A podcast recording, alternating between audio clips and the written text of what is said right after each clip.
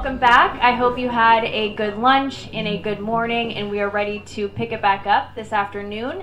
And we kick off the rest of the day with our next speaker, Ivor Cummins. Ivor Cummins earned a biochemical engineering degree in 1990 and has spent more than 25 years in corporate technical leadership and management positions. Since 2012, Ivor has been extensively researching the root causes of modern chronic diseases with a focus on cardiovascular disease, diabetes, and obesity. He has presented on heart disease and its primary root causes at the British Association of Cardiovascular Prevention and Rehabilitation in London. And he has also participated at the annual conference of the Irish National Institute of Preventative Cardiology. And since March 2020, Ivor has dedicated his problem solving, analytical, and biochemical expertise to provide a deep and revealing analysis of the COVID 19 situation. Ivor is also an author, and he co authored the book Eat Rich, Live Long. His public lectures and interviews are available on YouTube, where he has received more than 200,000 subscribers and 16 million views. You can access most of his work at his website, thefatemperor.com. Please give a warm welcome to our next speaker, Ivor Cummins.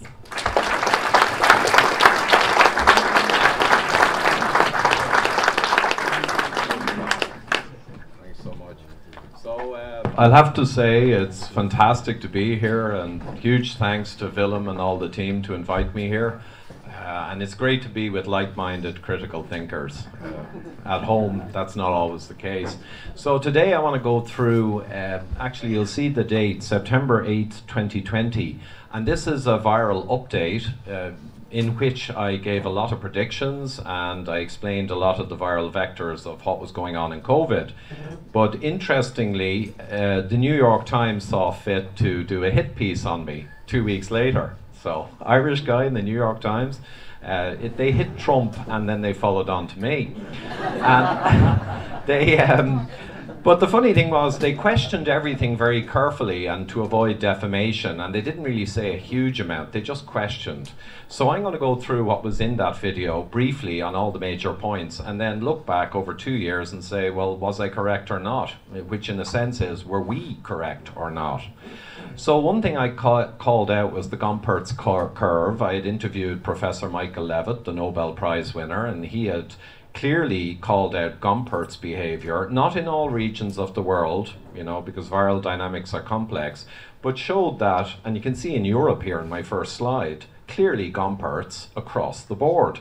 And Sweden's in there as well. Sweden with no lockdown, no masks, and kids up to 16 in school throughout. And you can see there was no difference. So they questioned it, but it's apparent. Uh, I also included slides. These are German from the 1918 flu and look familiar. Yeah, same Gompertz curve. No lockdowns back then. You know, people hardly knew what was going on. So there you are. So we're going to use the checklist as I go through the facts in the matter. And this is because I'm an expert problem solver, 25 years or more in leadership of problem solving multi factor complex problems. And we always do an autopsy after a very complex problem has been resolved because we need to learn for the future where we got it wrong. So Gompertz dynamics, well, I was correct. Professor Levitt was correct. That's just the way it is. And then seasonality I covered, and this uh, is well, existed long before COVID, and you can see there coronavirus family are overlapped with influenza and very seasonal, particularly in Northern Europe and in America and uh, the reference is there. So that was that. And I showed uh, in animated version, 10 minutes, I'm going to, spend a minute here. Uh, I showed that Italy locked down after their curve had turned. So I explained that, that's proven.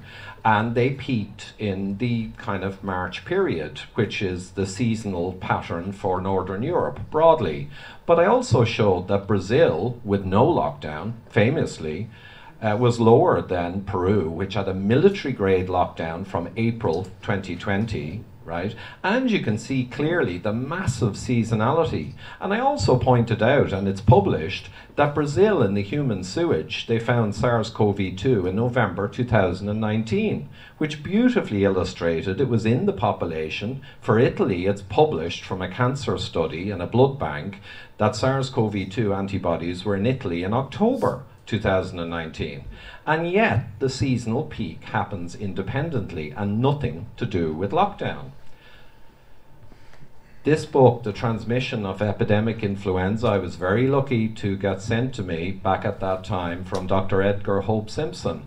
And he was a doctor in England who set up in the 30s the first influenza transmission laboratory. And he spent 50 years on the puzzle of influenza, influenza transmission. And he actually answered a lot of our questions. And he basically showed that in the tropics versus Northern Europe and America, etc., you had those patterns and they were played out during SARS CoV 2 beautifully. This was later in 2021. I was just showing the sheer obviousness of it. You can see there the Irish ICU loading in 2020. And then we opened up fully with no restrictions all summer long, pretty much. But nothing happened. And amusingly, in October, you'll see there a little hump. That was kind of a pseudo viral triggering. But the Irish authorities saw that, put in a lockdown, so lockdown would get the credit when the curve naturally turned down. But they were too late. So they were over a week after the peak and they put in a level five lockdown, right? And the curve, of course, just kept going with no change. So, yet again, illustrating. But I also called out that in 2020 you had that curve shape and the summer uh, doldrums with no vaccine. And then in 2021, with the vaccine, you had the same essential thing. So, by the by. Here you can see in America, and again, I had a lot of slides, I'm going to be brief here, but you can see the seasonality. So, American landmass is kind of multiple regions and seasonalities for viruses. So, you can see upper Midwest, regardless of policies, see the way they all peaked the same, and coastal Southeast. And you can do this for all the regions of America. It always follows based on regionality or geography, right? It doesn't go up and down based on the measures whatsoever. So seasonality was massive in SARS CoV 2. But the WHO said in July 2020 they felt they had to come out just when it was clear as day that it was profoundly seasonal, and they gave a bulletin to the world to say it is not seasonal. And at the time, I figured, well, if you're going to bring in nonsense masks in the middle of the summer in Europe, when the ICUs are empty and the hospitals are empty and nothing's going on, and you want people to accept that nonsense, you better tell them it's not seasonal, right? So they believe there's some meaning to it. But in mid 21, it began to come out and it began to be okay to say it was seasonal, right? In 21, a year late. But in 2020, you get your YouTube video taken down for saying that. So this is the inherent institutional corruption that's obvious through this issue. So powerful seasonality, check. No question about it, we were correct, and it's accepted now. So the next one was de facto immunity. So I had interviewed Professor Beda Stadler of Switzerland, and he's been known as the vaccine pope. He's an industry guy, he's developed vaccine technologies and patents, so he's very credible also called the Fauci of Europe. So, emeritus professor of immunology and kind of a hero in Switzerland. But he caused a bit of trouble when he began to tell the truth.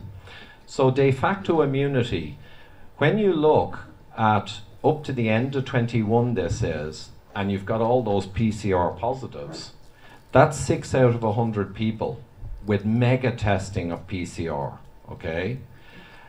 And won't, that's 6%.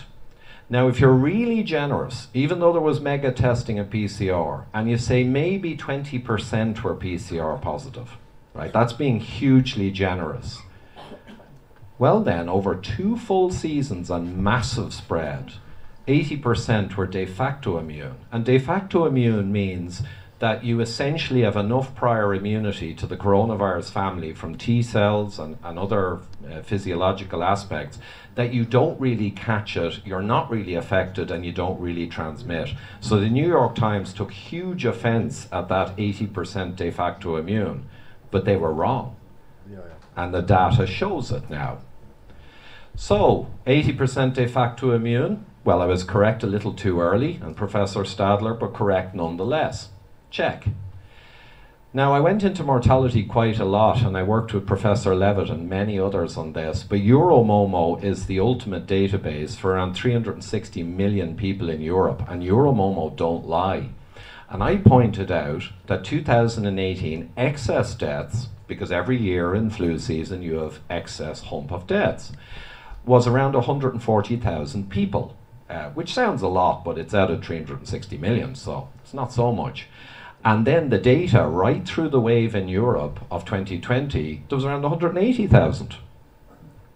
How would that justify shutting everything down, destroying the economy, ruining the kids' education? It, it, doesn't.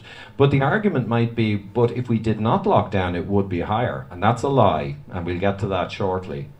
Also, I pointed out that 2019 was remarkably low impact. Now, that will create dry tinder and it will create a group of frail elderly who might otherwise have passed but did not.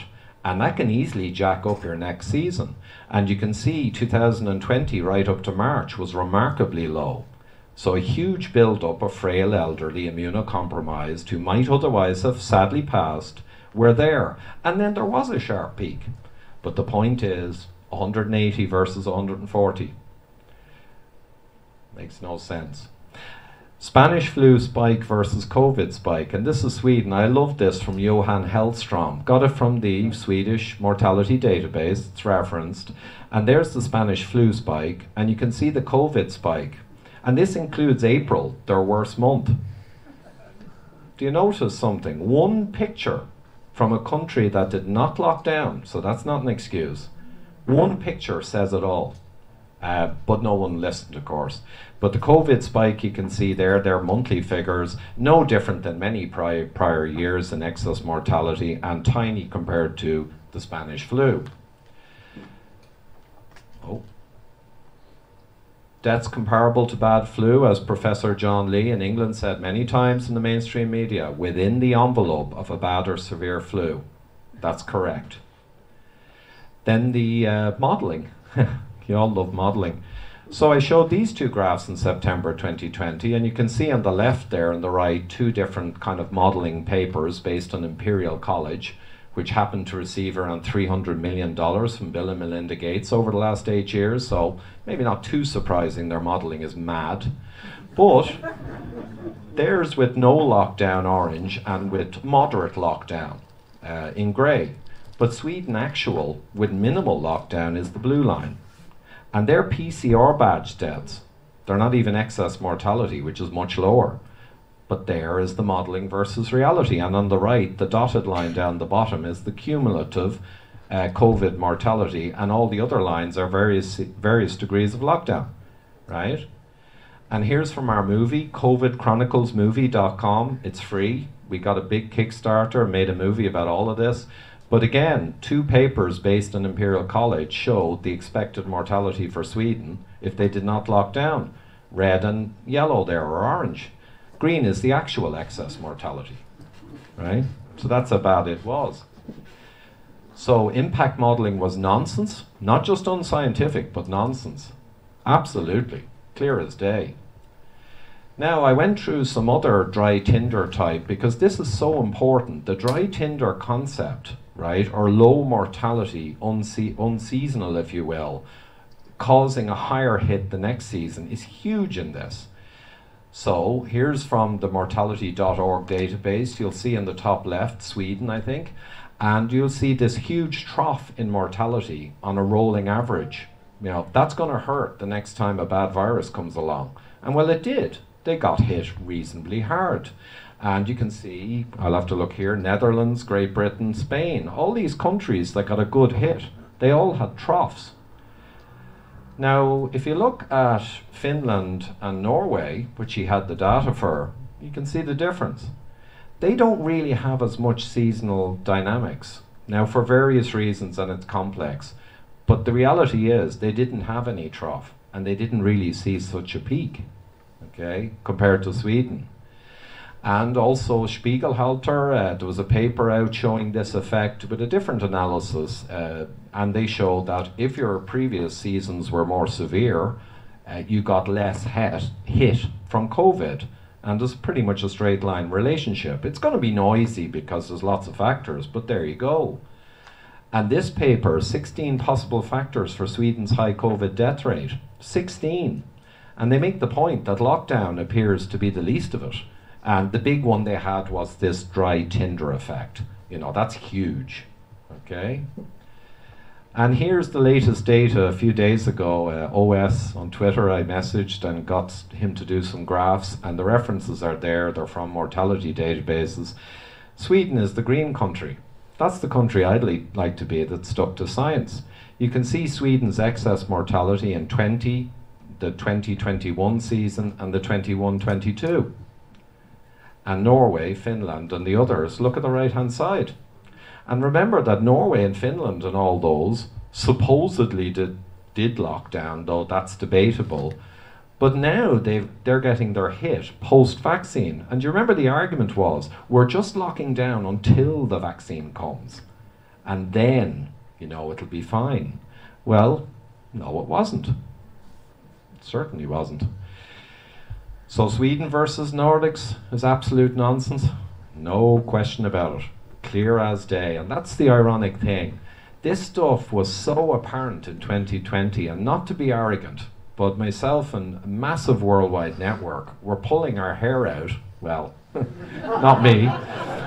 At, just how stunningly obvious this was to someone who's experienced in logic and problem solving and data. And you didn't even need virology, epidemiology per se, or, or immunology it actually is clear in the data, even without the deep science in those arenas. That's what's really frustrating. The Spanish flu comparison, do you remember in 2020 there was all this propaganda, right? And in Ireland and England, anyway, I saw most of it, and it was all about the second wave, and they meant a Spanish flu second wave. They didn't mean just a winter resurgence of a seasonal virus. That's not scary. It was a Spanish flu, remember its second wave back in 19 had this huge hit and it hit different people than the first wave, it hit young people. Well, that's what they were threatening. Now, at the same time in Ireland and England, they were taking apart and taking down all their emergency capacity in hospital and all their capacity that would keep COVID people separate and not have hospital transmission all that sensible stuff that they set up in early 2020. Well, while they were telling us that there was a horror wave coming, simultaneously they were taking away all their hospital capacity. Right? So that shows malice of intent. But anyway, here's the uh, Spanish flu, and this is the peak deaths per million. And you can see on the right COVID 19 2020, and this is Swedish data, and it shows some other uh, excess mortalities for prior decades. So, again, you'd say nothing to see here. But the story is bigger than that because Spanish flu does publish papers showing the age distribution of death. And you can see it's dominated around the median of 30 years of age of people technically in their prime, mothers, fathers, family people, dying. The old people were a relatively small slice. So it's the opposite of COVID. And infant deaths, huge right? So when you actually do a brief analysis of that, this COVID compare of deaths versus Spanish flu, which looks like around 10 times less, which it is, if you correct for the age of death and life years lost, that compare becomes something like that. Mm-hmm. And I couldn't actually make a line narrow enough in PowerPoint. that was the minimal, but that's it. You're talking about a hundred times approximately. You can argue about the numbers a hundred times less impactful in life years than Spanish flu. But we're all told Spanish flu was the thing we had to be thinking about. So, Spanish flu comparison, utter, utter nonsense, right? But it was all over the media. There you go, check. So we're learning here by looking back. We're being honest and looking back and looking at the data, right? This is good. So, Carl Heneghan, professor in England, got in a lot of trouble for being honest and he's a professor of evidence based medicine. He's literally a professor in evidence based medicine and a medical doctor and an epidemiologist, etc. He made the point in the summer, and I thought it was fantastic. We've opened up fully, we have pubs open with no masks, and we have around 300 million people interactions. Simple math, but nothing happened, right? And it, it speaks to seasonality and the irrelevance of measures. But by the time I put this slide out, it had gone up to maybe half a billion people interactions. And it's clear as day, nothing happened. Uh, but New York Times didn't like it. And this was in May, I put this out. In engineering and complex problem solving, you've got to be really rigorous and you've got to use structured tools. But one thing you use is the hypothesis for against spreadsheet. This is crucial because you may have 10 or 15 hypotheses, these vying. And you must put down, and this is a discipline I held with all engineering teams under me, you must put down the evidence for and against your hypothesis, and you must review it regularly because people get a pet hypothesis and they begin to forget that evidence has grown against it. So I did one for lockdown being effective, and all the evidence was against. I mean, the stuff on the left that's for came from Imperial College and some associational junk papers and modelling. People don't realize there is no credible evidence supporting lockdown in the world, and there are massive, massive negative evidence pieces. Uh, so that, that's the way it is. And that was May 2020. So I put up a blog post and it's still there. I'm up to 53 published papers now that show lockdowns are ineffective and the cost benefit is atrocious. And there's actually over 100. And as per Professor Karl Popper, logic in, in science and problem solving, a negative piece of evidence, a black swan, is vastly more powerful than a positive, affirmative piece of data. Yet here we have endless negatives and no positive supporting data. So that's the way it is. So lockdown highly ineffective, no question about it. No one can claim lockdown is effective without being a farce right? Check. Masks, oh God. 40 years of published papers, and influenza is the same transmission mechanisms as coronavirus. And we know now, and we knew in 2020 it was aerosol, it ignores face masks, essentially. Plenty of published papers saying that, and the Danmask, the only study for SARS CoV 2 with masks, came up null as well and showed no benefit effectively. But it didn't matter because masks were decided at a high level to be needed uh, independently. I'll just put a couple of graphs in. I had huge amounts of them before, but I'll just show one or two. I mean, here's counties over 100,000 people, mask mandates versus none. I mean, spot the difference. It, it's just, there's myriad, myriad empirical data all over the world. Masks never show an effect in empirical real world data, only in modeling and biased papers. And this was the famous one I thought I'd show it. North Dakota, like the difference between North and South Dakota, and there's around a million people in each. They're all the same culture, same region, perfect kind of natural experiment. And one of them went with the masks and all the nonsense and restrictions, one of them didn't. No difference. You see this everywhere. So masking highly ineffective, and I could go on all day at this one. It's no question about it. Check. So the case demic. This is something I got in trouble for, and the New York Times hated it, and the modelling doctors who were driving hysteria hated it. But the case demic was a great phrase, and I didn't make it up, but I loved it. And I did a lot of graphs painstakingly from our world in data or the other resources. And we call them mirror graphs. So on the top you put the cases, and then with the same time base you put the deaths on the bottom. So during a real epidemic as such, you see on the left, there's cases and slightly lagging, there's deaths, uh, which you'd expect. But then in the late summer when they're bringing in mandatory masks and trying to terrify us, cases are rising because testing is going through the roof. But nothing's happening in the hospitals. But no one seems to notice this. But these graphs helped uh, illustrate it. No ICU, no hospital but the cases going up and up and up and the media going crazy. There's UK, same thing. Look at the bottom on the right there. Cases, cases. Media crazy. Nothing happening. Uh, Germany, Switzerland, same as. Spain. Spain had a couple, one person per million per day in that right hand period was dying with a positive PCR. One person per million per day. Um, so it had something, but nothing. And then Netherlands, you can see you guys got a good case demic going there, yeah? Look at it. Absurd.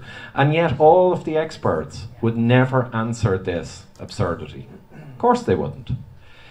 Um, USA is slightly different because I always pointed out from the very start it's not one region. It is different seasonal. I mean, the south of, of America uh, has more like Mexican or more like Brazil or Peru. It's got a kind of a southern tropical pattern. So America did keep going, but because of different regionality. But it was the same kind of thing. So case demic was absurd, but it was used to drive massive restrictions all over the world. And the other point being made there, and I know someone later will get into PCR in detail, PCR highly misleading. A positive PCR is not a real case. A real case is someone who is very sick or hospitalized with the disease in question. That's been the definition forever. But now you got a PCR positive or people in ICU in Ireland.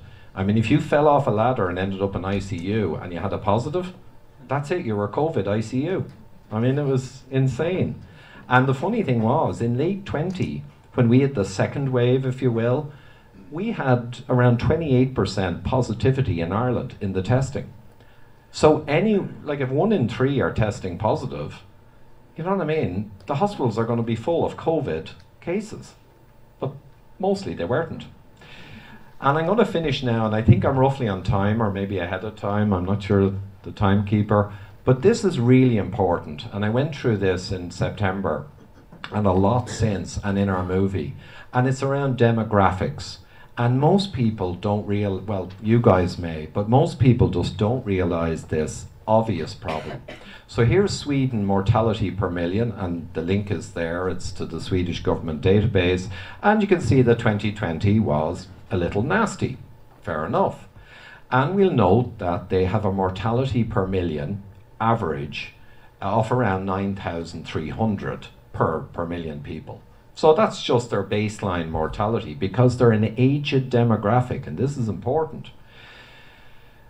Here's the dry tinder. 2019 was, in ways, the most unusual year in Swedish history because it was so low in mortality, right? But if you look at how much it was low by, rough and tough, it's roughly the same as the excess they had the following year. You don't need to be a professor of mathematics to work this out, or a logistician, right? And just to show the UK, the UK is around 9,800 per year because, like Sweden, it's an aged demographic. Now, the UK has more problems because their metabolic health is in the toilet compared to Sweden. But anyway, you can see the UK as well in 19 had a very unusual low mortality for whatever reason. Maybe Corona was out there and keeping the flu inactivated. That's another whole story. But you can essentially see, rough and tough, you know, the following year, you get a balancing. Now, that's not the whole effect, but you can just get an idea there how much of the effect it is. And Ireland then, there's something wrong. Ireland only gets 6,300 per million dying per year. Compared to the UK and Sweden up near 10,000. You know, what the hell's going on? Ireland got some elixir of life, you know, leprechauns and gold. Yeah? Whiskey. You want to move to Ireland, yeah, whiskey, very good. But it's actually simple. Ireland has a young demographic. That's all it is. And you don't need to look at the COVID year. You can look back 20 years. It's a young demographic. And COVID, as Bill Gates said a couple of months ago on the record, and I quote, we didn't realize that COVID has actually a very low mortality rate. And it's a disease mostly of the elderly, kind of like the flu. And then he caught himself and said, but, but not exactly like that. so even Bill Gates admitted it on 92NY eh, two months ago. I got it. Um, but there you are. So Ireland has a young demographic. So you don't really see a harvesting effect because they're not really affected. And the CSO, Central Statistics Office, released 2020 mortality, our biggest COVID year. There is no excess mortality in Ireland measurable for 2020. And we know the lockdowns didn't change anything, but that's the narrative. The lockdown saved us. Utter nonsense. Ireland has no excess mortality. And in fact, we actually have more mortality late in 21 excess with the benefit of all the medications. That's where the mortality is coming in. So I'll leave you to judge that one. And you know what? I think, oh, there's one last point. The WHO, and this is a crucial point, 2019 guidelines, I have them, I got them back in 2020. And it's important, here's a little anecdote of what actually happened. Bruce Aylward of the WHO was in China, right, as a bunch of idiots wearing these blue masks, and Aylward himself is wearing the mask. Probably even knew then it was nonsense, but he's wearing it for optics, and there's TV cameras. And he holds up a graph. this is just insane to watch. He holds up a graph showing um, Wuhan and showing China's Gompertz curve, which we know is natural and it goes through a cycle. And he points at it and he said, Look what China have achieved with their lockdown. He's pointing at pure nature, nothing to do with lockdown. Look what they did. And then he says the immortal words all of us in the West essentially are going to have to do this. That was it. That was February, I think, 2020. But the reality is, their own guidelines, 40 years of Western science, culminated in the WHO 2019 pandemic guidelines. And there are no masks, no point, no evidence. Track and trace, waste of time once a virus that's got a fair spread or a high RO, which this one has, gets into a region. No point doing test and trace, it won't be effective and no isolation of exposed individuals. There's no point. They knew that. That's all on the record 2019, all thrown in the trash, and we decided to copy China. That's institutional corruption of the highest level. There is no other explanation. So, we'll finish our checklist, and like Jaws, we're going to need a bigger boat, if you remember that. We're going to need a bigger checklist, and we're going to fill in the last few 2019 WHO guidelines were correct. There is no question about that. Sweden has proved that. All of the published data, hundreds of papers have proved that. Uh, check. Scientific Sweden was correct, and I think we need to keep emphasizing this because it was a perfect control country and it romped home, and Anders Tegnell romped home. Judge me in a year's time or two years, we just saw the other Nordics' mortality. Yeah, correct.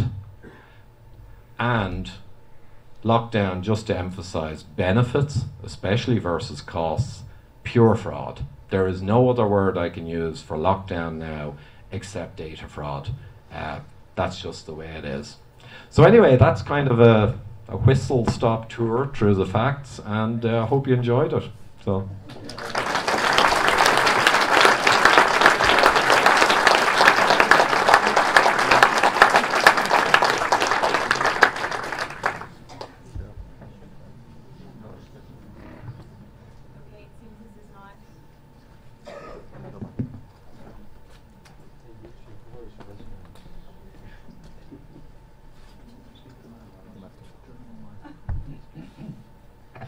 Yeah, yeah. Thank you.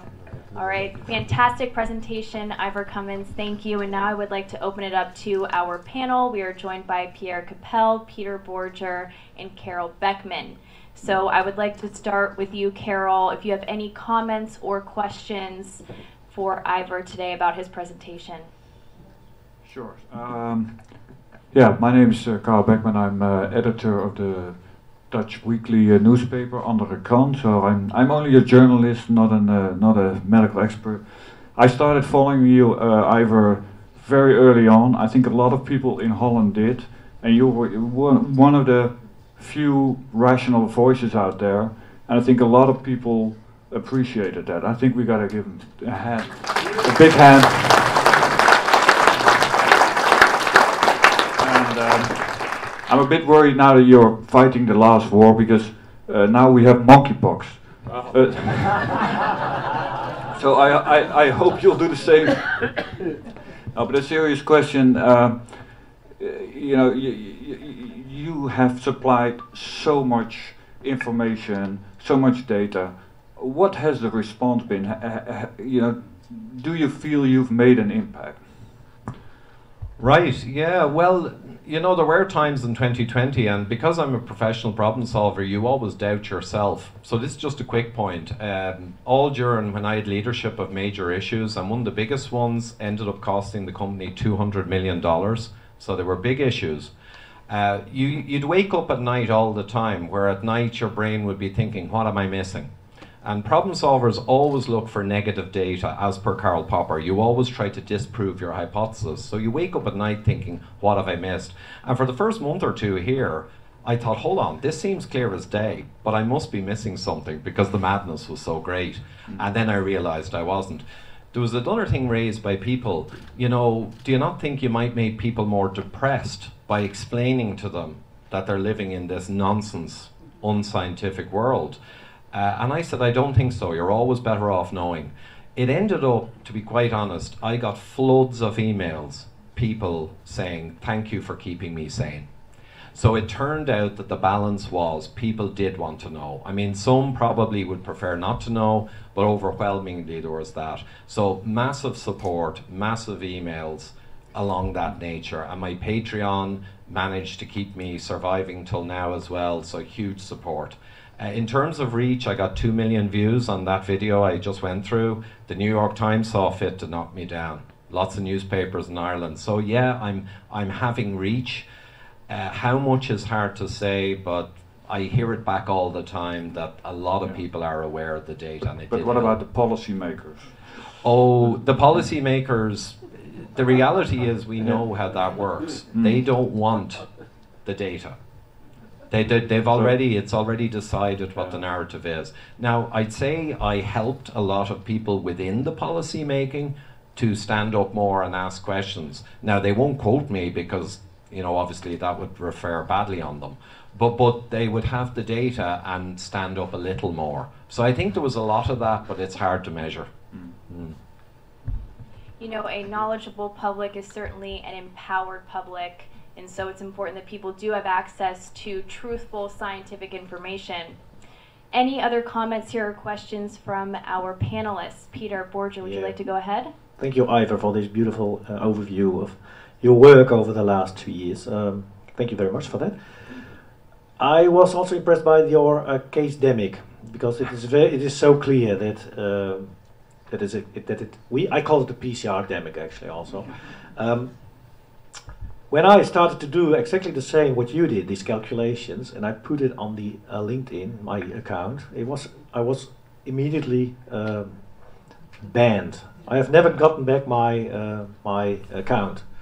Apparently, it is today. It is very. Uh, it is. It actually is very sad that we, as scientists, can simply not present the data, the real data, because there is a sort of narrative. There is already the model that has to be um, it has to be told and it has to be believed. So the real science, on my LinkedIn, uh, not on my LinkedIn, on my Twitter that I started afterwards, I always, I argue a lot that nowadays science is dead in many aspects and in many respects.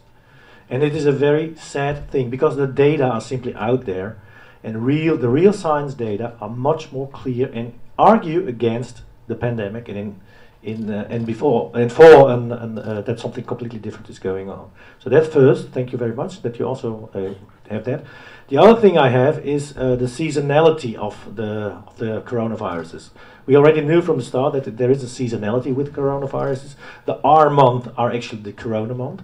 But in fact, we see when, when we see now at the corona how it develops or how it evolves, is it is it so that we also see now a more shift towards summer yeah, so no, thanks very much for that, Peter. Um, so seasonality from the start there were some exceptions. So South Africa, for instance, had a summer wave, and everyone whooped, even though you know the exception proves the rule, and it was massively seasonal. Everyone said, "Oh, look at South Africa, you're wrong," and they, they of course don't realise an exception here or there. Seasonality has been studied for decades, probably a century, and no one fully answered. I mean, it's temperature, humidity, human immune function that varies, vitamin D, UV flux. Mhm. It's complex. So all you're looking for is a pattern. Yeah. I wonder lately things have gotten a bit all over the place. Mhm. Now in swine flu they did have a case demic in the summer and they got massive positivity for swine flu. But the impacts were tiny. Are we seeing now truly out of season major impacts? I'm not sure. It's kind of obfuscated or mixed in with PCR demic. Mhm. But the other thing is, we have never rolled out a mass medication that has profound effect on human immune function. And now we have. So, in a sense, the bets may be off because no one has ever studied a mass rollout of, of vaccines Yeah. like this. And what effect will that, ha- that have on the traditional patterns?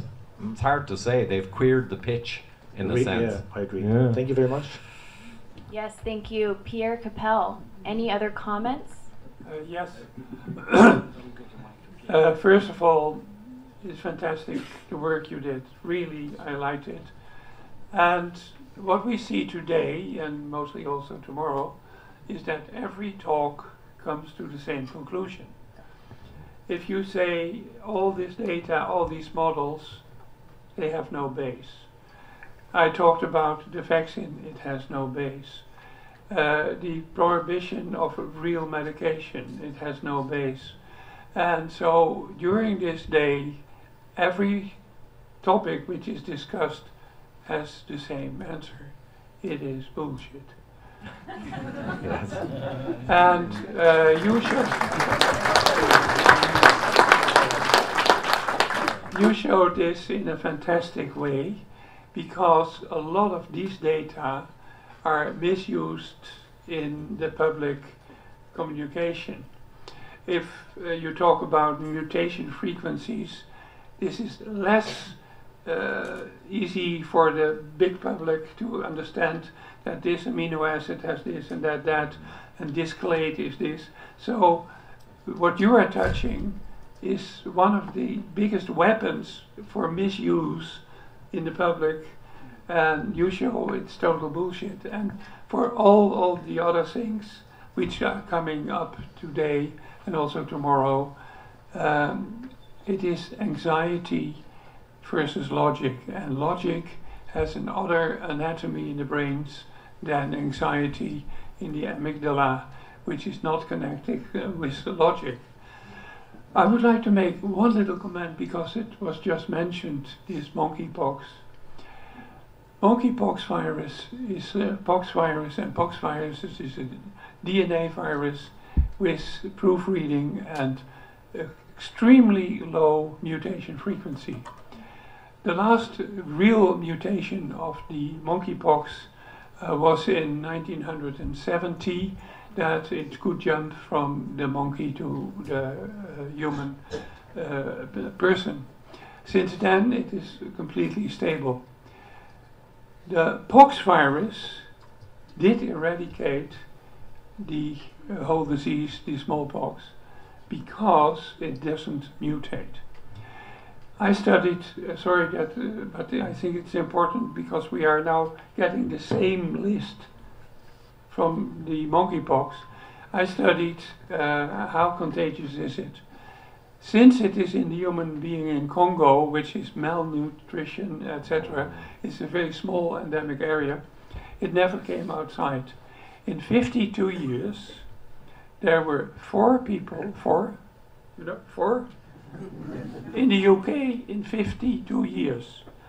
One in Singapore, one in Israel, 14 on the continent of America, and that is the spreading of the virus when it is just as such.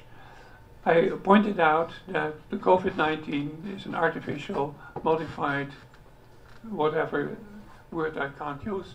Um, and I found a article from the uh, Nuclear uh, Threat Initiative, which is also on uh, bioterror, that was published in November last year, in which they set up a model by which monkeypox was released to, it was published, holy shit, I really get emotional. It was published in November that half of May, 15th of May, there would be a monkeypox in different countries. And at which day what happened what. But it cannot spread as the virus as such. So this is the only way, what I can think, if it is not a, a reactivation of herpes, if it is really monkeypox, could be, then they have mutated the DNA repair system of that virus by which it can mutate and they really actively spread because in one week time it is in different countries at different continents where for 52 years there was not only one uh, person per year outside Congo. So you can get a lot of new work from the box. Sorry. Thank you for air. Thanks. I think that's a great point to bring up the possible genetic manipulation of monkeypox virus, as you had uh, just outlined as a possibility here. Are there any other comments from our panelists? And then we will open it up to our audience to ask some questions. I believe, Peter, you would like to yeah, I go can ahead. say something also to the monkeypox because they also uh, detect this with PCR, and when the prevalence is very low, you find a high amount of negative, um, false uh, positives. So I think this also plays a role here. Thank you. Thank you. And I believe that all of this information, Ivor, will be available at your website, thefatemperor.com, that you just presented. Is that correct? Oh yeah, absolutely. So everything's there on my YouTube and Odysee, etc. Yeah. Okay, excellent. Thank you. And now I would like to open it up to the audience for any questions. And I will start up here and then work my way around. So, thank you for your presentation. My name is Niels from Zeist.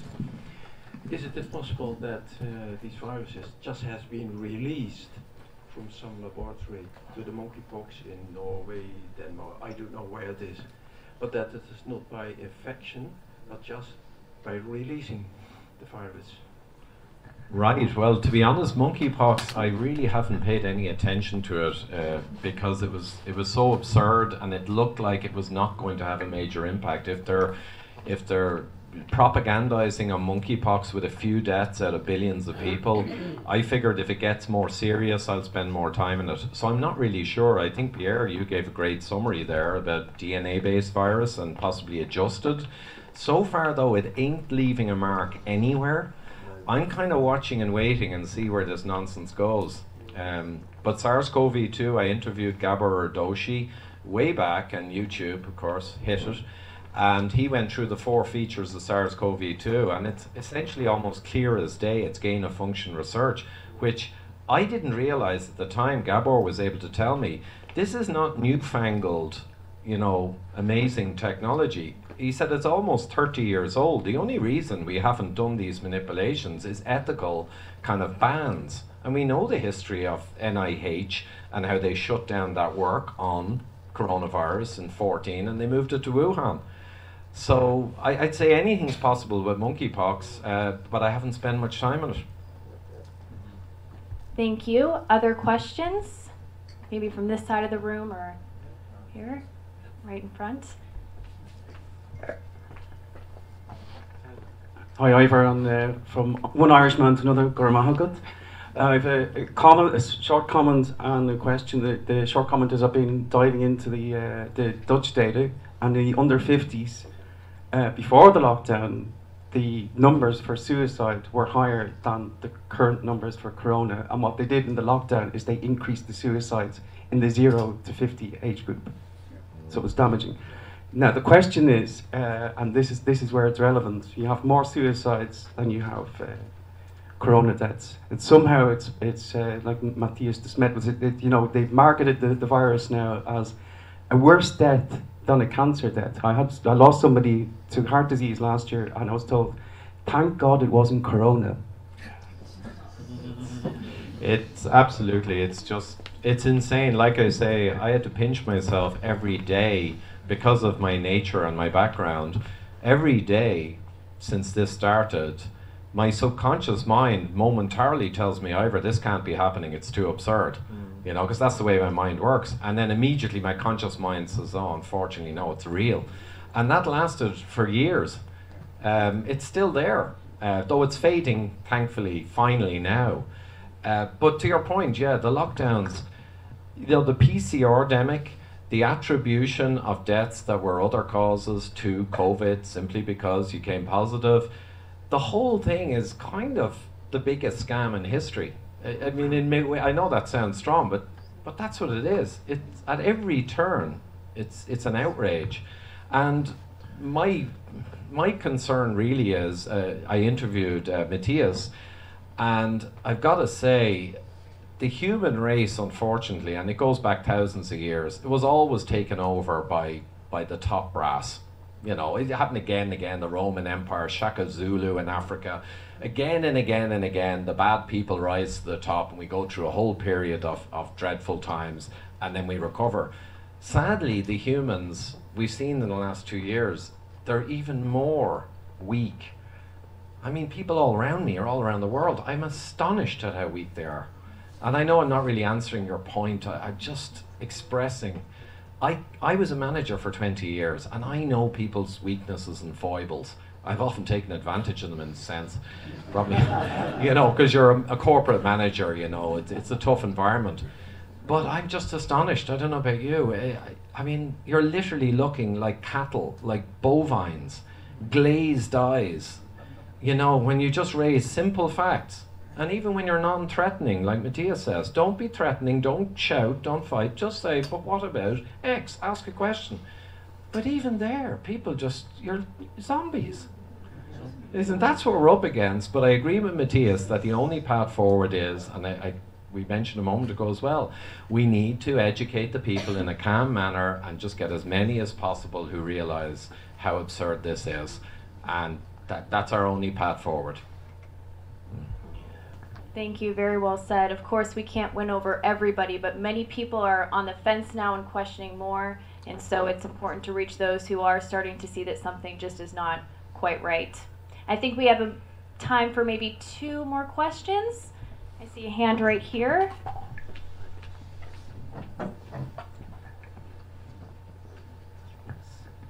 Hi. Uh, so the PCR test has been used historically to diagnose AIDS as well. Have you ever looked into the AIDS epidemic? Yeah, the uh, what was it called? There's a movie about it, Fauci's first crime or something. Uh, I I glanced at it, but I, I just made a, a decision because I have to balance my time. I know pretty much Fauci is bad to the bone from the start, and I know I'm generally aware of the massive questions around the AIDS epidemic. So I just accept that that was intense corruption years ago, and I didn't really dig in much. Uh, but I've no doubt, yeah, it, was massively corrupted. I mean, you know, just and then SARS one. It's generally accepted SARS one has been shown to have a link to you know the animal world. I didn't look into it, but I would wonder now was SARS one a a poor attempt to make a SARS CoV two, and it backfired because it was severe but not transmissible, and I. SARS CoV 2 is beautiful. I mean, I hate to use that word, but for gain of function research, you got transmissibility, you've got a high age loading, right? So the people doing it don't need to worry because they know they don't need to worry. And it's just enough impact to carry off a fraud like this, but not enough that it might come back and bite people. I mean, it, it was optimized very well, I think. Uh, I don't want to hand credit to these, these people, but it was optimized well. Can I also briefly say something to this detection of AIDS in the 80s? This was not done by PCR, but it was done by Western blotting. That means it was polyclonal antibodies, and it gives a kind of a smear on a membrane, and it has to be interpreted, and it is it is very tricky to do that. So it is even trickier, you could say, uh, than the PCR test. Very interesting. Thank you. If you would like to ask a question, I can hand you the microphone. Any others? Right here? Go ahead. Yes, hello. My name is Aldrina. I'm an orthomolecular therapist. Uh, I heard you say the word vitamin D twice, I think. One side, once there and once there. Uh, did you include um, results or investigations with vitamin D in your search as preventative or curative or? Yeah, absolutely. No, thanks for that question because I did around four or five videos at least, detailed ones on vitamin D. And back in 2014, I, I did D is for debacle about the outrageous uh, under emphasis on vitamin D status. And, you know, when my mother told me when we were kids, they were all told to take the D drops for the baby. And that was true, especially in Ireland. That's gone. So my fifth child ended up having to go to hospital, and it was immeasurable vitamin D back in 2009 because the system stopped doing that. That's how bad pharma has taken over medicine. But vitamin D I went through, and the main points I went through are one important point is it's not magic supplements. So I go through five reasons why the Israeli and the Indonesian studies got the results, and the results are stark. So someone, and this is corrected for prior vitamin D status, not just on arrival into hospital, and it's corrected for age and comorbidity. The outcome is poor vitamin D status, you are 10 to 14 times more likely to have mortality or a severe outcome for COVID. So that's established. Now you would say, oh my God, give people supplements, you'll save them. But I go through five things, five broad reasons. One, your vitamin D status can be high or low, not just based on supplements or even sun. It's a reflection of metabolic health and low insulin resistance. So it's very complex. It's like a super marker and simply chugging supplements and pushing it up ain't necessarily going to put you into that 10 times lower risk group. So, eating a nutrient dense diet of meat, fish, and eggs and real human ancestral food will drive up your vitamin D independent of supplements.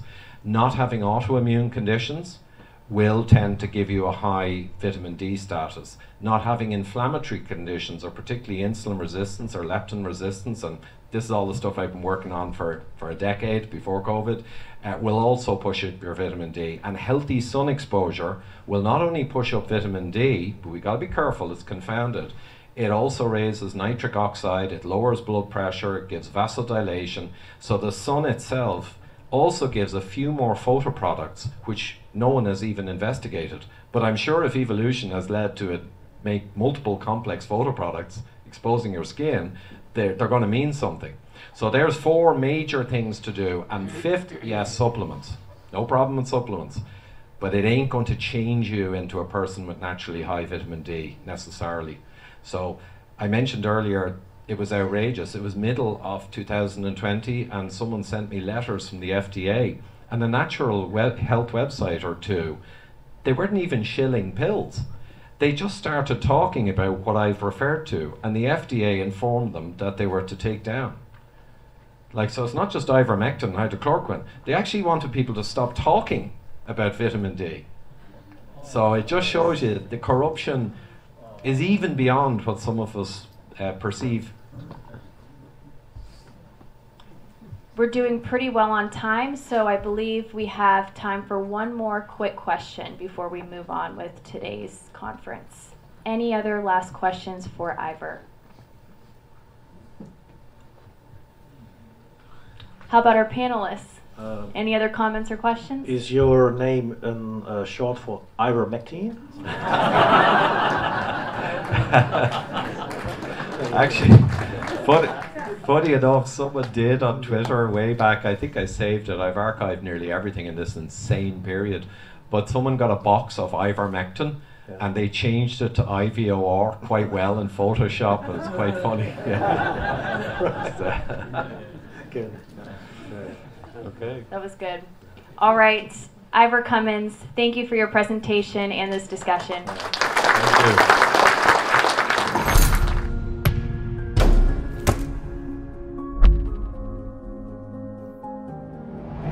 Well, hello everyone. Uh, my name is Carl Beckman. I'm uh, editor of the Andere Krant uh, newspaper, and I have the honor to be interviewing, talking today with Ivor Cummins.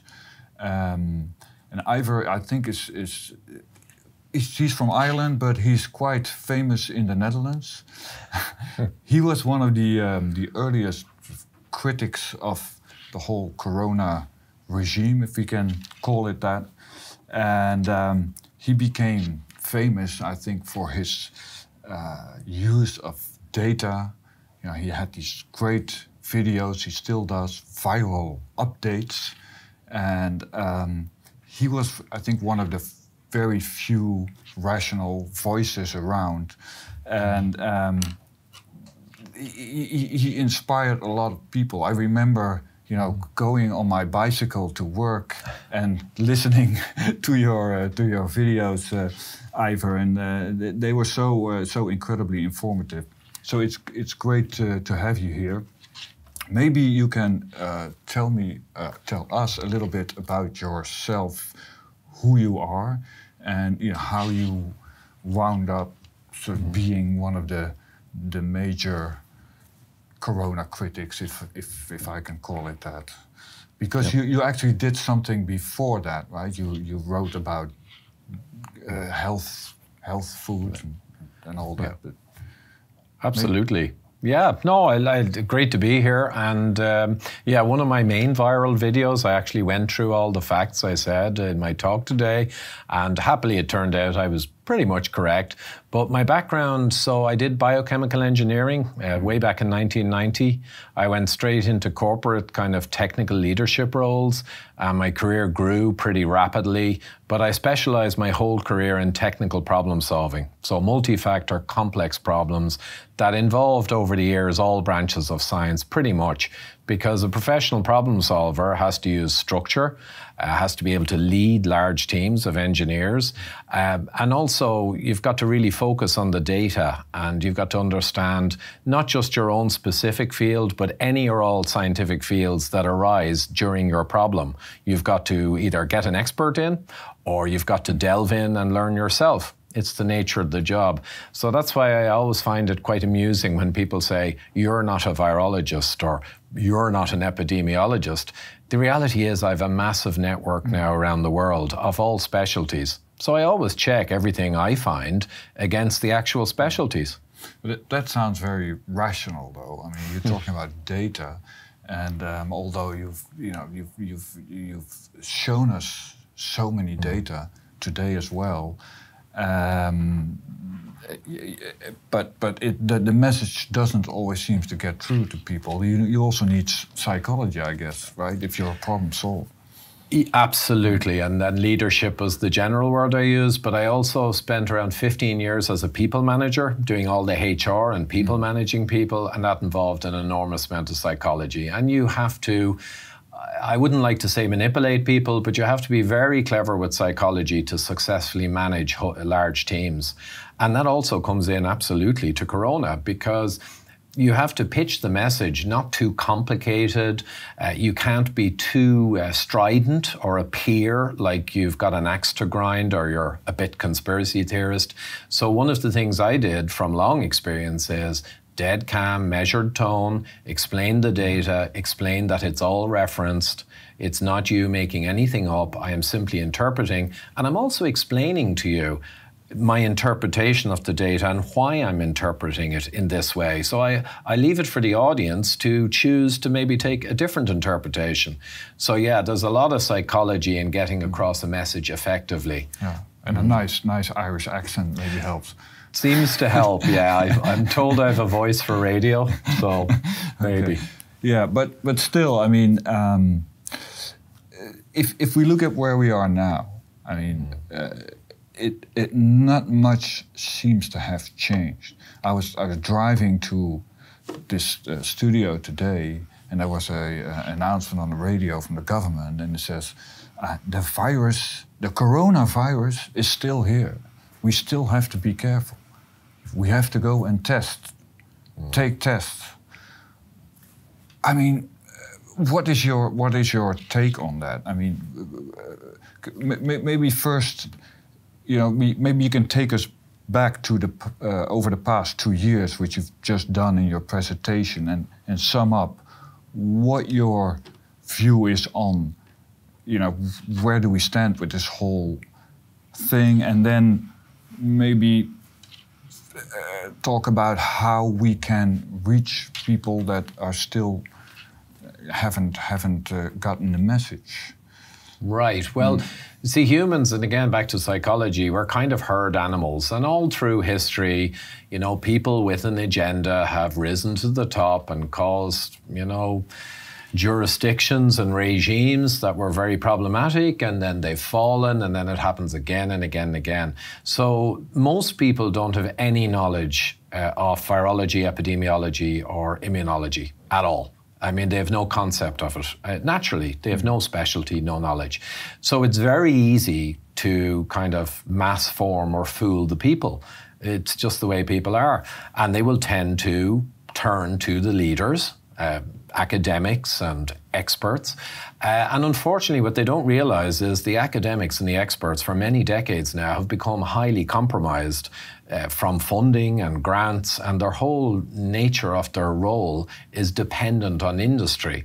So they're very easy to subvert. And I think that's what we saw happen. In March 2020, my wife came to me and said, Oh, you know, this COVID thing. Mm-hmm. Now, she's a first class honours engineer.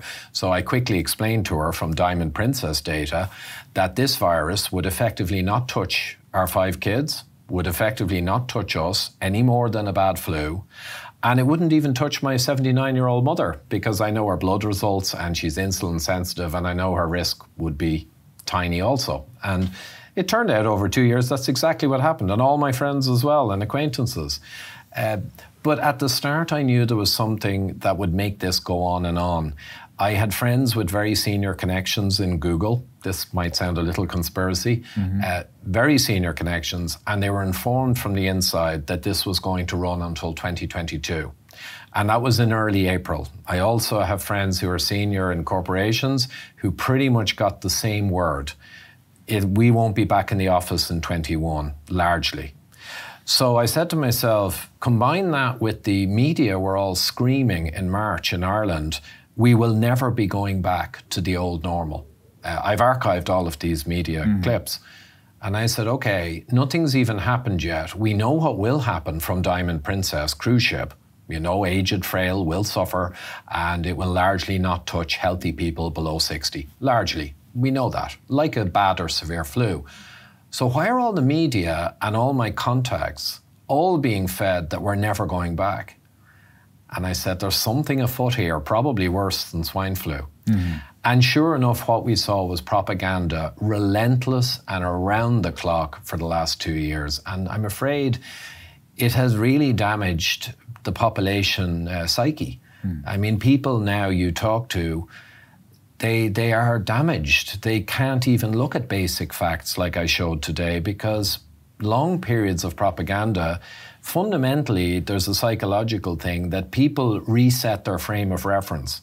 So even the people who would question it over the first months after a period of time they say okay I'm now out of step with the herd and it's not comfortable. So subconsciously they reset mm-hmm. their frame of reference and they decide subconsciously to just accept what most people believe, and then they're kind of lost. Mm-hmm. So, so if you had to sum up, you're, you're talking about the facts. If you had to mm. sum up the facts to someone, you know, who still sort of uh, believes in the official story, mm. uh, hears on the radio the message that I just said from the government: coronavirus is still there. It's still a dangerous situation. Uh, can, can you explain briefly why this is not correct. Okay, so on severity, as in the risk, no one has a clue of the real risk. So, to give an example, in 2020, the hard hit UK, which has an elderly population and has dreadfully poor metabolic health, had 0.1% extra mortality. In the whole of 2020, there was a 0.1% extra mortality, mm. one in a thousand. It's just a blip, a no disrespect to the people who passed, it's a tough virus, but 0.1%. Sweden, with no lockdown, no masks, and children up to 16 in school, and they also have an elderly population like England, they only had 0.06, half of the UK mortality. These figures I'm giving you, Ireland, with a young demographic, had effectively no extra mortality in 2020. So the summing up of this is, as Dr. John Lee, professor of pathology in England, said many times on mass media in the UK in April, May, June 2020, he said the impact is in the envelope of a bad or severe flu. That's a fact. That will never change. It's in that envelope. Normally, people would never do crazy stuff based on a risk that's in the envelope of a severe flu. So the lockdowns and masks, we know now there's over 100 published papers. I have 53 on my website. Mm-hmm. There is no question but the lockdown has no measurable benefit in corona impact or death or hospitalization.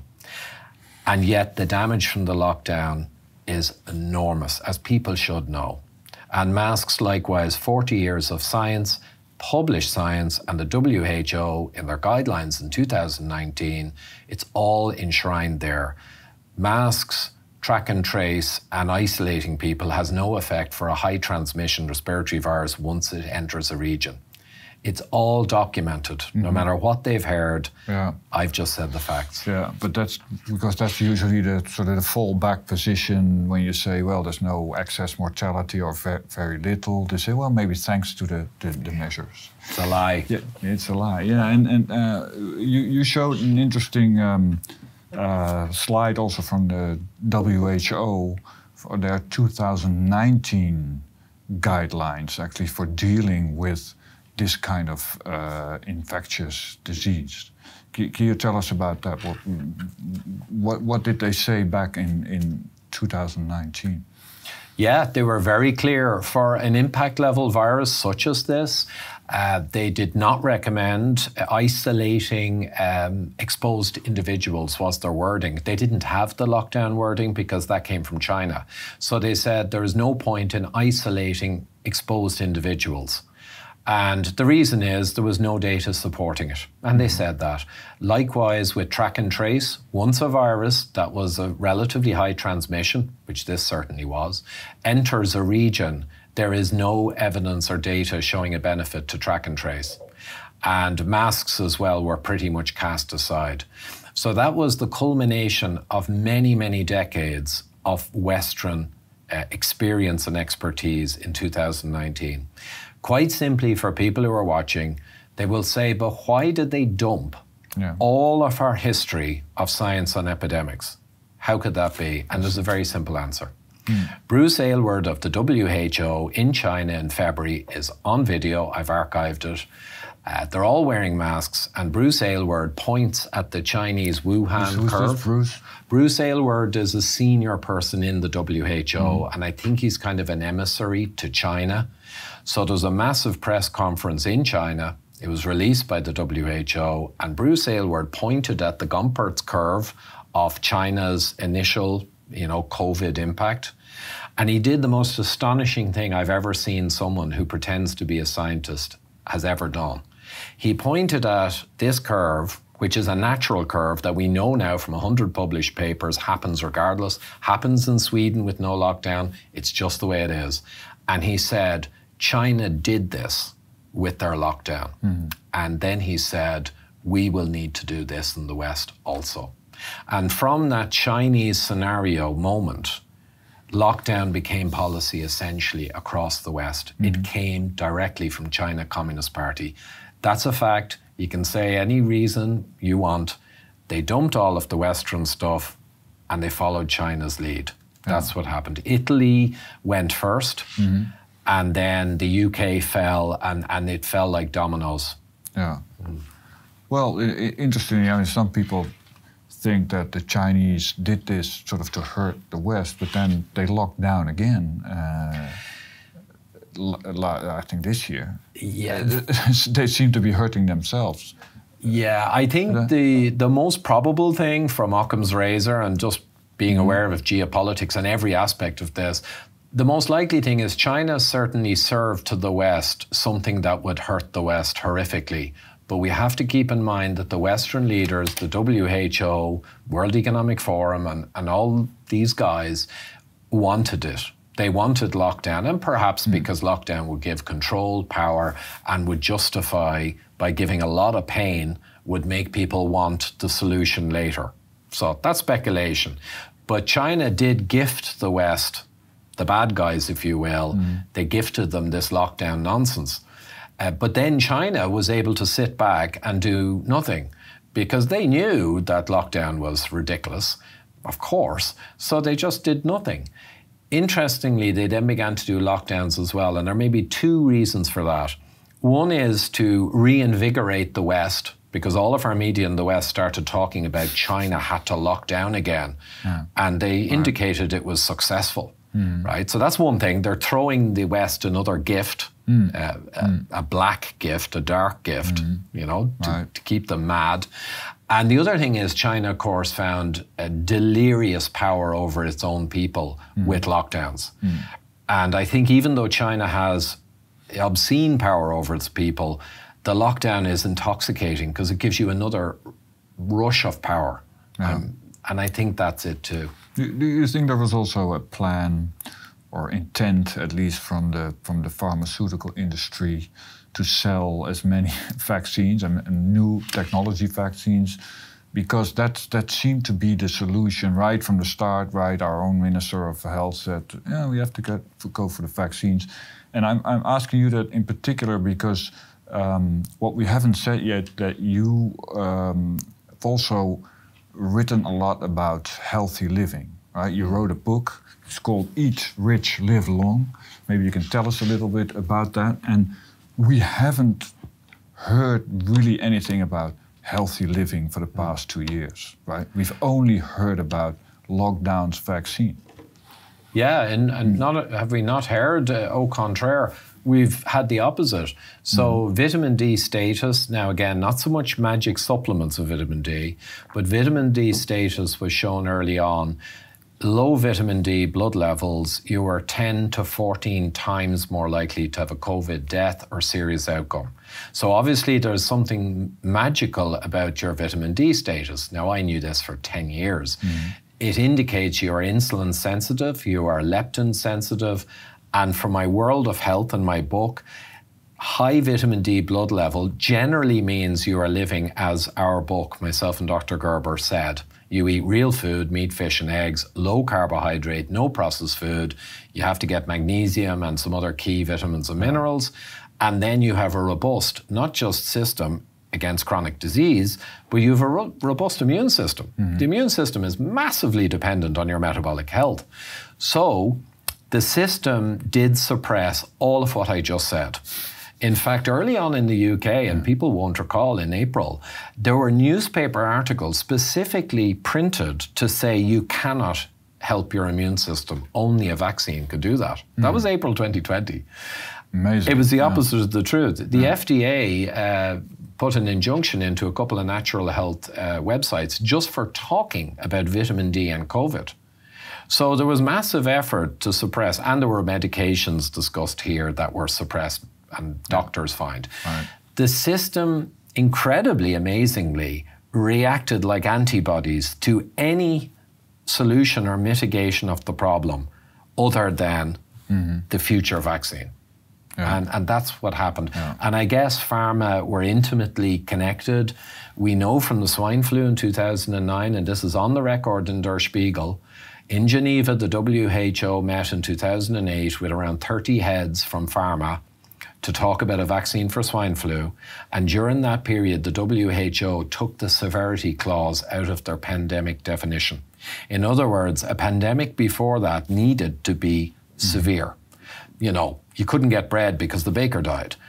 Stuff, people could see people die around them. And no one really saw many people die with corona unless they were in a nursing home, broadly speaking. But the WHO took out the severity clause and they opened the door with working with pharma that a pandemic could be anything. It was just a new mm-hmm. virus that had spread to more than two or three countries. Yeah. Well, we were talking about that before before we started about how deep the corruption actually goes. You know, you you, you talked about Peter Gøtzsche's book, uh, Fauci, uh, Robert Kennedy's book on Fauci is this, uh, has the same story. And I think most people don't realize the propaganda has been very effective because people believe in vaccines. You know.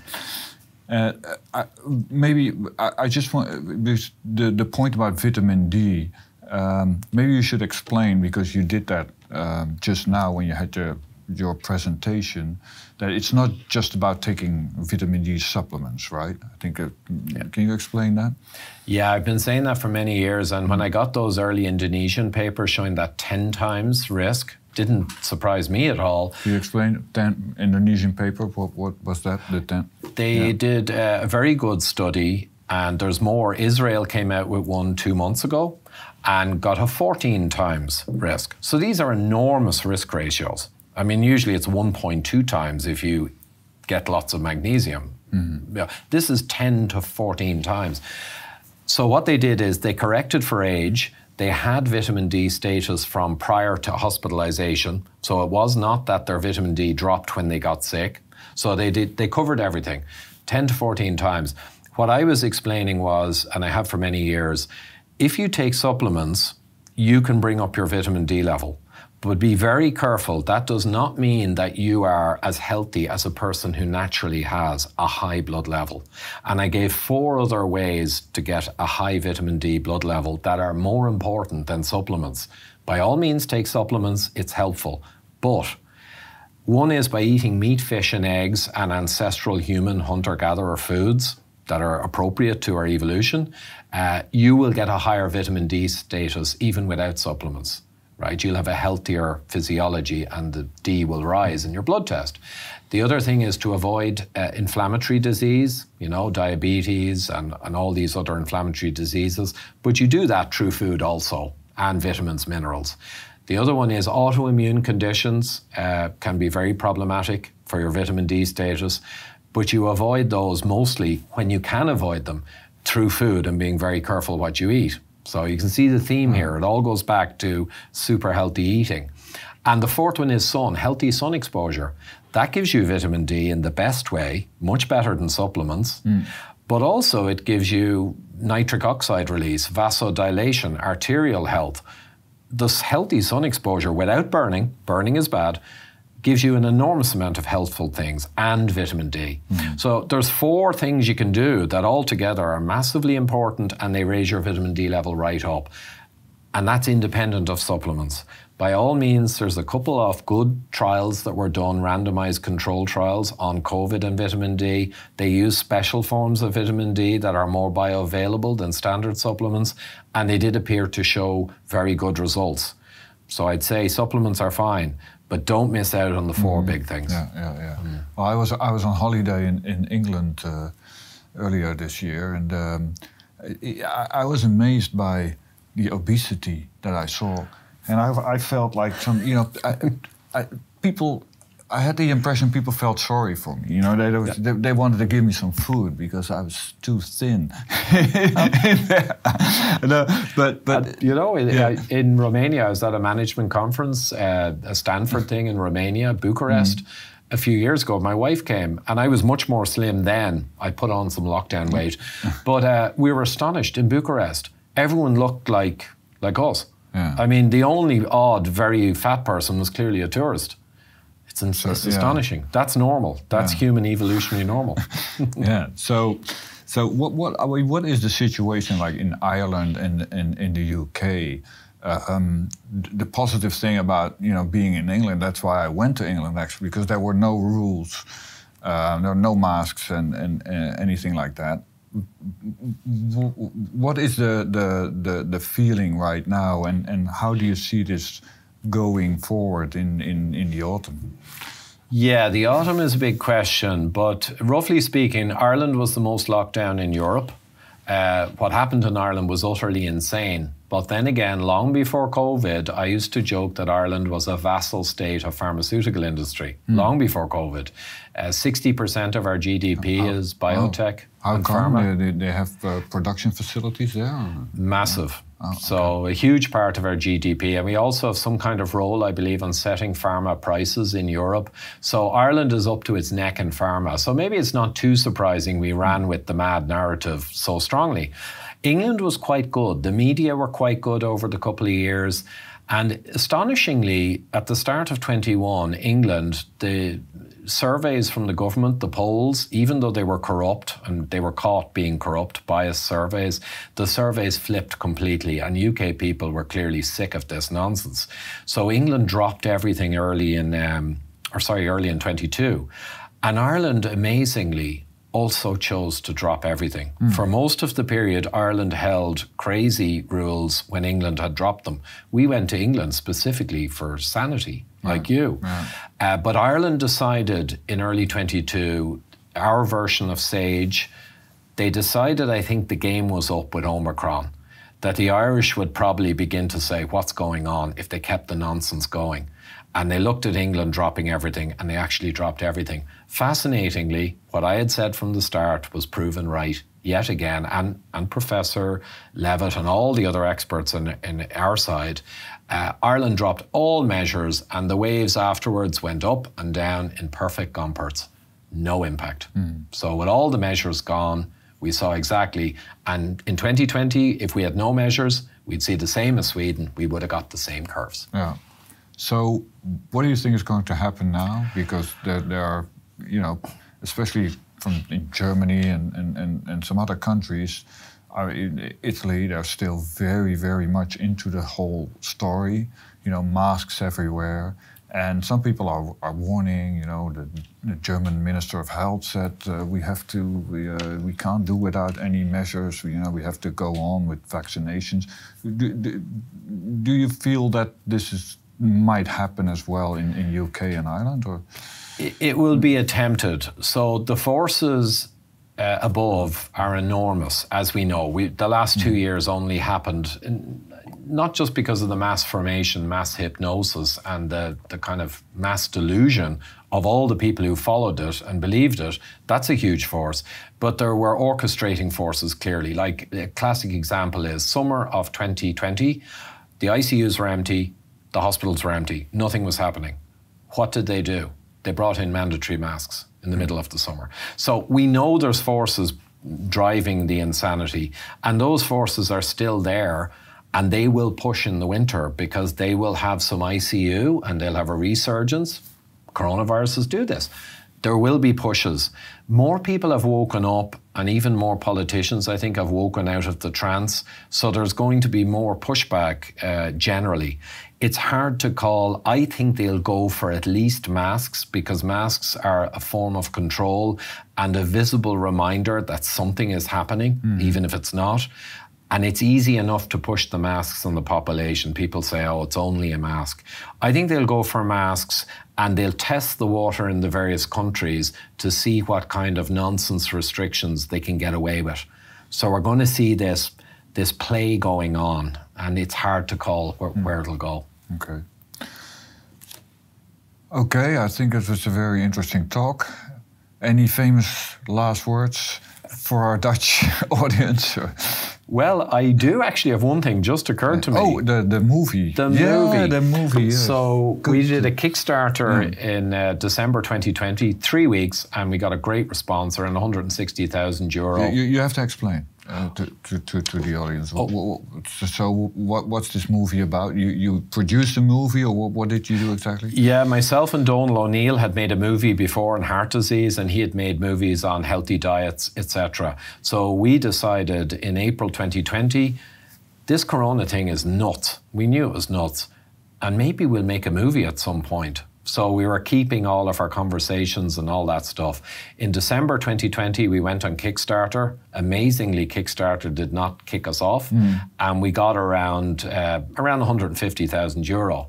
So we spent the next year and a half making a movie, and we interviewed Professor Michael Levitt, Nobel Prize winner, Professor Beda Stadler, the immunologist extraordinaire in Switzerland, and more professors and experts. And we basically told the story, and it's covidchroniclesmovie.com. It's free and download and stream.